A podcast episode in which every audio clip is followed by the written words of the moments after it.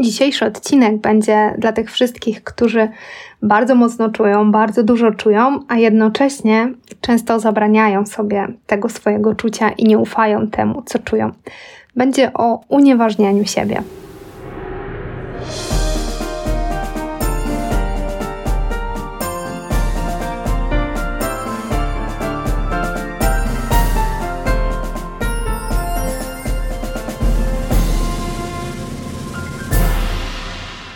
Wysoka wrażliwość w rozumieniu takiej podatności emocjonalnej, silnego odczuwania uczuć i odbierania bodźców emocjonalnych jest to cecha, która często może powodować przytłoczenie oraz takie poczucie braku kontroli nad swoimi emocjami.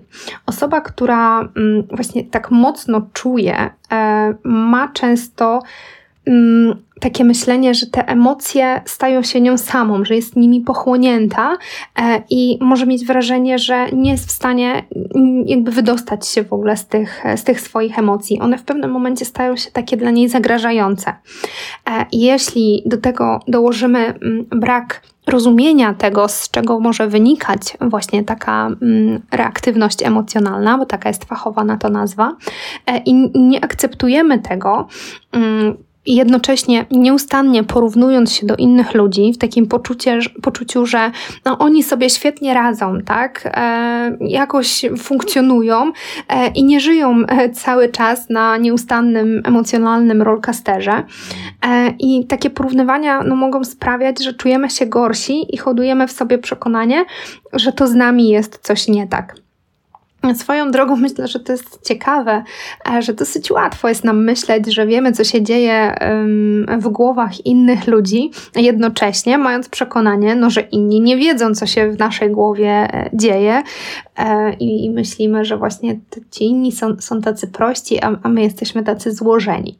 No i to myślenie, ono no po pierwsze nie jest zbyt logiczne, ale też jest skrzywdzące. Często dla innych, tak, bo jakoś negatywnie kogoś oceniamy, ale też i dla nas samych, mm, bo może właśnie takie myślenie e, powodować, że utrzymujemy się w takim negatywnym schemacie myślowym, który właśnie utwierdza nas w tym, że inni ludzie nie mają tego życia emocjonalnego, a my mamy aż nadto, więc to z nami jest właśnie coś nie tak. E, no i jak możemy sobie z tym radzić, jak mamy mm, taką takie właśnie niezrozumienie tych swoich emocji, one nas przytłaczają, mm, to mm, często staje się problemem e, dla osoby, która tego doświadcza, i właśnie to, to nierozumienie e, też trochę wpływa na to, że nie potrafimy sobie z tym, z tym poradzić, i właśnie czujemy, że nasze życie no, jest przez to po prostu trudniejsze. Mm, wtedy najczęściej stosowane są takie dwie strategie: uderzamy albo w innych, albo uderzamy w siebie. E, jeśli dewaluujemy innych, to przekierowujemy tą złość na drugiego człowieka. E, twierdzimy, że na przykład właśnie ktoś nas wykorzystuje, ktoś nas źle traktuje, że to przez e, konkretną osobę tak mamy, mm, a także, że wszyscy inni ludzie właśnie jakoś sobie radzą z tymi emocjami i oni są szczęśliwi, tak, i mamy im, im to za złe.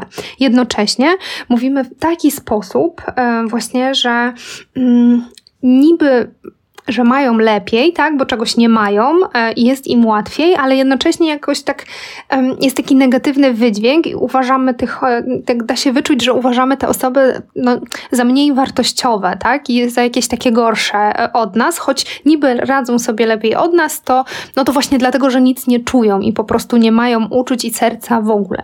Więc wtedy, mm, no właśnie dewaluujemy innych ludzi, mówimy o nich tak w taki sposób negatywny, czasem wręcz taki poniżający i no, z takim bardzo silnym ładunkiem emocjonalnym.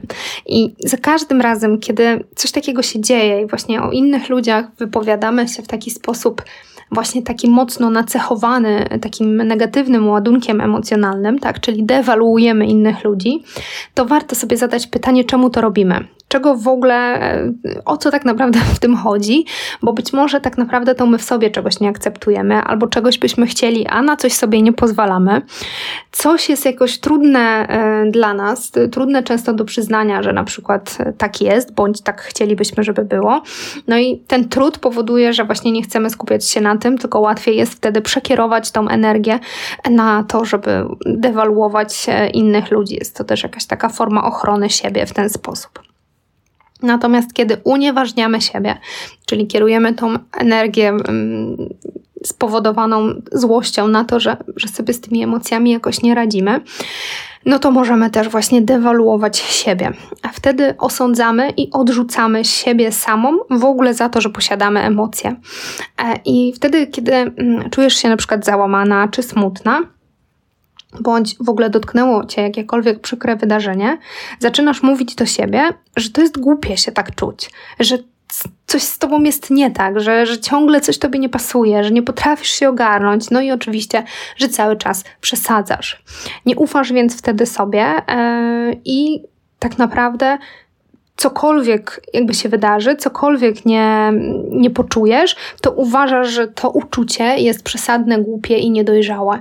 Mm, I nie tylko nie dajesz sobie prawa do tego, żeby czuć, ale też każesz siebie za to, że w ogóle masz uczucie. Skąd to w ogóle wynika, że coś takiego e, się dzieje? Mm, no, myślę, że tak naprawdę zazwyczaj z tego samego, tak? Czyli różne strategie radzenia sobie ze swoją emocjonalnością, myślę, że w dużej mierze wynikają z podobnych powodów, co w ogóle sama wysoka emocjonalność. Jest to splot czynników biologicznych, czyli właśnie ta reaktywność emocjonalna, to jest cecha temperamentalna, czyli rodzimy się po prostu z jakimś poziomem tej reaktywności na bodźce emocjonalne, tak? No i Tutaj drugi czynnik zawsze też ten środowiskowy, tak? czyli to, jak ta cecha wchodziła w interakcję z innymi ludźmi, wchodziła w ogóle interakcję jakby w społeczeństwie. Mm, możesz tak cechować się pewną genetyczną podatnością do samokrytyki i do unieważniania siebie i w połączeniu z tym, jak byłaś unieważniana przez na przykład swoich rodziców, szkołę, czy po prostu mm, jakichś rówieśników, tak? osoby, które były w Twoim najbliższym e, otoczeniu, mogłaś nauczyć się po prostu takiego mechanizmu jako swojej podstawowej strategii funkcjonowania. Zastanów się, czy zdarzało ci się często słyszeć, e, kiedy byłaś młodsza, na przykład e, gdy płakałaś lub coś cię po prostu zasmuciło, to czy słyszałaś, nie przesadzaj, przecież nic się nie stało. Gdy coś bardzo cię bolało i płakałaś, bądź mówiłaś, że cię boli, to czy słyszałaś, to na pewno tak nie boli, przecież to nic takiego. Gdy się bałaś, mm, może ktoś mówił do ciebie: Przecież nie ma się czego bać, jesteś już duża i nie możesz się tak bać. A kiedy zwróciłaś komuś uwagę, że coś jest dla ciebie nie okej, okay, no to czy nie zdarzało ci się słyszeć, co ty się na żartach nie znasz, wyluzu, jesteś taka spięta? Może gdy sprawiało coś tobie trudność i to wyrażałaś, e, słyszałaś w odpowiedzi, no przecież to jest banalnie proste, no weź przestań, nie przesadzaj.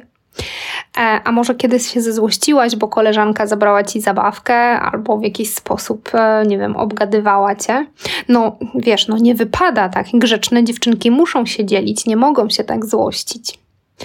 No jeśli zdarzało Ci się słyszeć to bardzo często z różnych środowisk, e, no to po czasie nic dziwnego, że nauczyłaś się, jakie Twoje emocje są akceptowane w tym bliskim społeczeństwie, mm, a które akceptowane nie są. No i te nieakceptowane po prostu mogłaś nauczyć się je tłumić i unieważniać siebie, tak? Czyli unieważniać te swoje y, uczucia.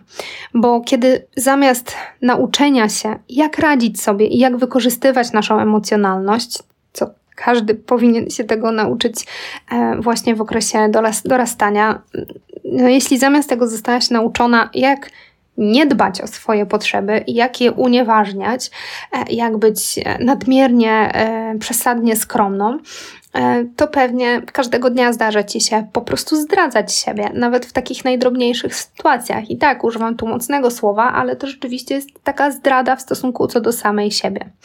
E, no, bo w takich sytuacjach, gdy ktoś stosuje wobec ciebie przemoc, czy nie zdarza ci się, że mówisz, e, że nic się nie stało i że to nie jest nic takiego, a może kiedy coś jest dla ciebie ważne, to mówisz, no w sumie okej, okay, nie ma problemu, wcale nie jest takie istotne, nie, nie jest mi przykro, jest ok.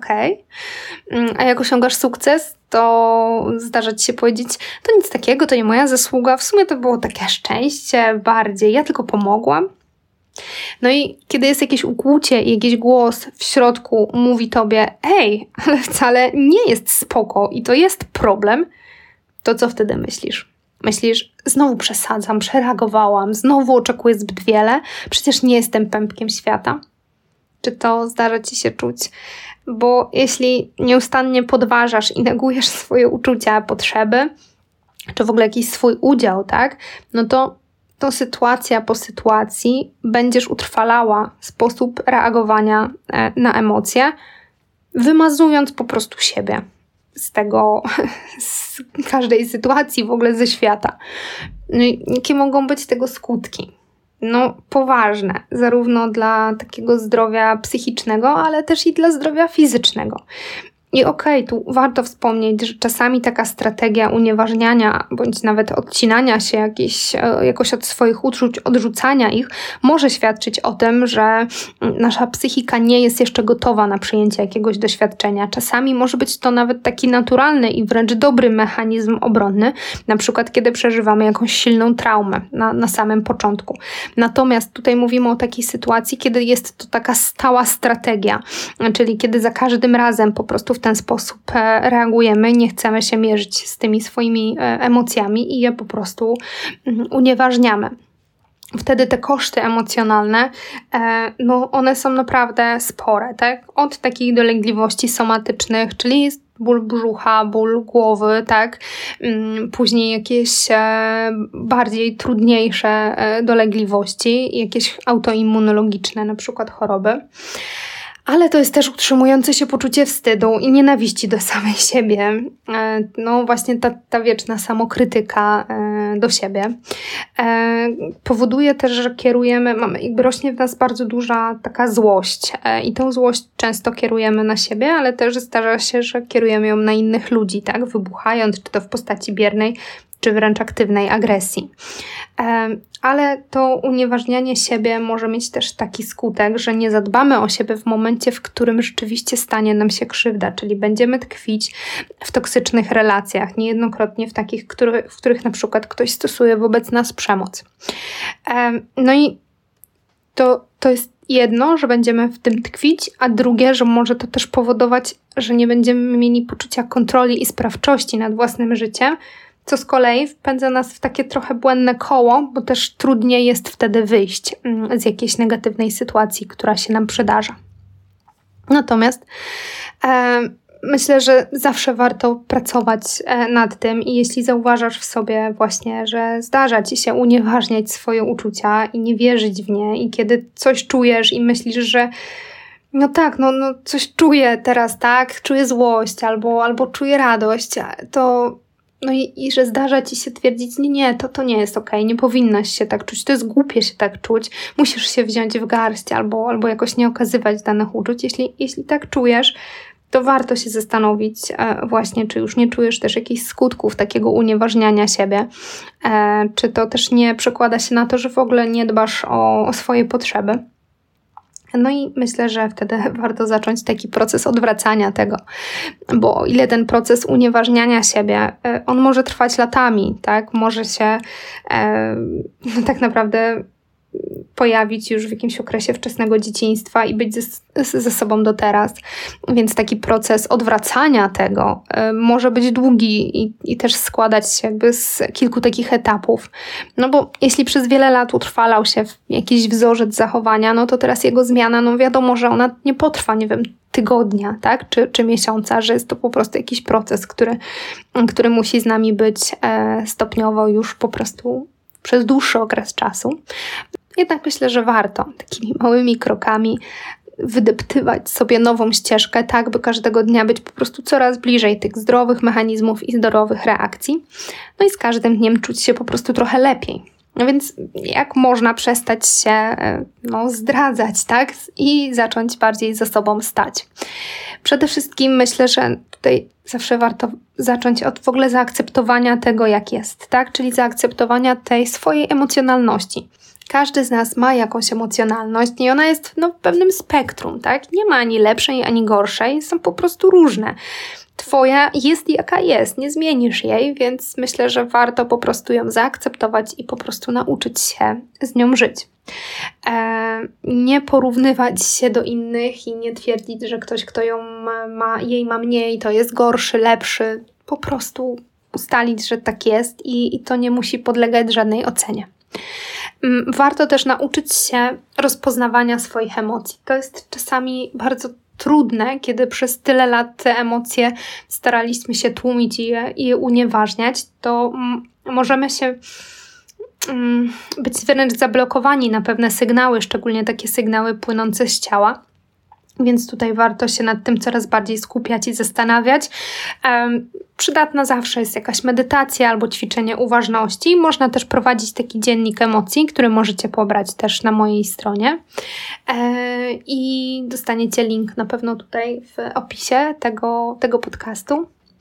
E, to, to, to rozpoznawanie emocji jest, jest bardzo ważne, ponieważ no, nie jesteśmy w stanie pracować nad regulacją emocji, tak, nad tym, żeby w jakiś sposób um, je ogarniać, kiedy ich nie rozpoznajemy, tak, a one, kiedy są rozpoznane, no to wtedy są dla nas e, mega super e, drogowskazami e, i wtedy dopiero jesteśmy w stanie podjąć jakąś decyzję, wyczuwając, co się z nami dzieje i móc je, mm, móc nad nimi zapanować. Zachęcam Cię tutaj do odsłuchania podcastu o regulacji emocji. Tam jest o tym nieco więcej, dlaczego właśnie te emocje są ważne i jak możemy, mm, jak można je regulować. No i myślę, że na koniec warto nauczyć się po prostu mówić za siebie, zmienić trochę właśnie ten dialog wewnętrzny z takiego bardzo krytykującego e, i z takiego unieważniającego siebie na bardziej e, wspierający wyrażania swoich, e, swoich uczuć. Warto nauczyć się różnych asertywnych zwrotów, ale też takich zwrotów, które mm, rzeczywiście mówią o tej uważności na siebie samego. I też przygotowałam dla Ciebie listę takich przydatnych zwrotów, uważność na samą siebie. Również że możesz pobrać to na mojej stronie, to jest prezent do dzisiejszego e, odcinka. Mam nadzieję, że taka lista Ci pomoże właśnie w tym, żeby mm, jakoś lepiej zacząć wyrażać e, siebie i zamienić słowa nie, nie, wszystko jest ok, nie, nie jest spoko na takie, które no jednak pokazują, że, że spoko do końca dla Ciebie nie jest. Myślę, że patrzenie na siebie i na swoje potrzeby, no to wymaga naprawdę sporej odwagi. Odwagi do tego, żeby spróbować w ogóle jakichś innych metod, tak? Żeby się nauczyć teraz, że no okej, okay, no jako dorosła osoba mogę decydować sama o tym, czy coś mnie boli, czy coś mnie naprawdę boli, e, czy, czy nie, czy coś jest dla mnie trudne i, i, i co jest dla mnie ważne. Mogę decydować o tym, co czuję w danej sytuacji i nie muszę czekać na potwierdzenie, na jakąś walidację tego, co czuję, czy to jest właściwe, czy niewłaściwe. Mm, często, kiedy latami e, byliśmy unieważniani, nie mieliśmy w jakimś najbliższym otoczeniu nikogo, kto by e, no, po prostu powiedział nam: Słuchaj, Twoje uczucia są ok, rozumiem, masz prawo się tak czuć, to musi być trudne. Mm, nie wiem, kogoś, kto w ogóle też uczył nas jakiejś regulacji e, emocji, typu: Słuchaj, może spróbujemy pójść na spacer albo sobie pokrzyczeć, nie wiem, co by, co by ci tutaj jakby pomogło, tak, jakbyś poczuł, poczuła się lepiej. E, no, jeśli nie mieliśmy nikogo takiego, to rzeczywiście no, większa szansa, że gdzieś tam było nam trudniej e, nauczyć się tych właściwych wzorców i, i po prostu wykorzystywaliśmy takie, które pomagały nam przetrwać. No i teraz nie do końca może są dla nas zbytnio korzystne droga do siebie, czyli ten powrót taki, naprawianie tych no, mechanizmów, które gdzieś tam się trochę w niewłaściwy sposób z nami e, zaprzyjaźniły e, na dłużej, to, to, to jest trudna droga, ale myślę, że jest ona fajna i warta, i warta przejścia. Jeśli chciałabyś zacząć wejść na tą drogę, to myślę, że dobrym początkiem będzie pojawienie się na darmowym webinarze. Webinar odbędzie się teraz w środę 9 lutego o 20. No i będziemy na nim mówić, dlaczego emocjonalność może być Twoją siłą, a niekoniecznie musi być przeszkodą.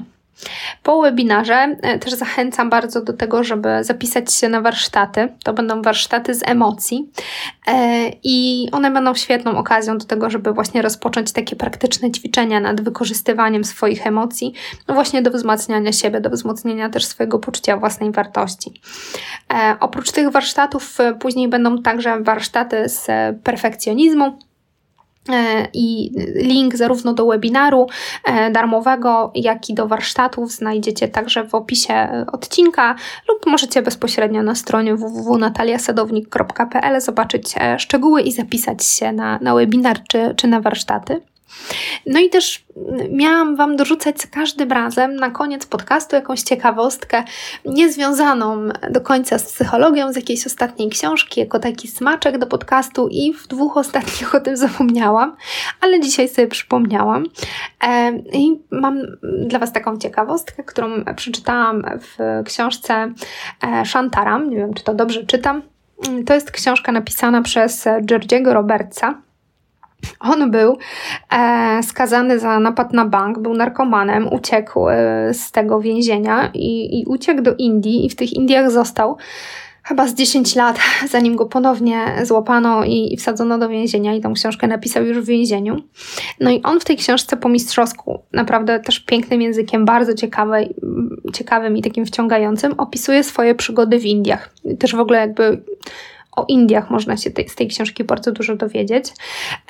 No i polecam tę książkę też choćby dlatego, że można w niej zobaczyć, jak złożony i pełen sprzeczności jest człowiek, jak jest w stanie mieścić sobie, w sobie i dobro, i zło, i że często to nie jest takie jednowymiarowe właśnie. E, a ciekawostka, z którą chciałam się podzielić, bo tam tych ciekawostkach, szczególnie ciekawostkach w ogóle o Indiach było bardzo dużo w tej książce, ale mi utkwił najbardziej utkwiła historia mm, Standing Baba. E, po polsku to są stojący baba. Jest to takie e, określenie na Hindusa, który złożył śluby, że będzie tylko stać, że nigdy nie usiądzie, nie wiem, nawet się nie położy, e, nawet będzie spać na, na stojąco. I ci ba, właśnie standing baba mają takie specjalne uprzęże, które im pomagają utrzymywać ciężar ciała w ten sposób, że oni tak na takich huśtawkach trochę wiszą, tak, żeby stać, a nie, a nie właśnie się kłaść. I oni to robią, e, ponieważ jest to dla nich taka forma kary. To najczęściej są jacyś biznesmeni, e, którzy jakby karzą się za to, że mm, wiedli zbyt szybkie, takie mm, może trochę próżne i takie bardzo mm, nastawione na, na zyski życie. E, I właśnie oni w ten sposób chcą się odkupić.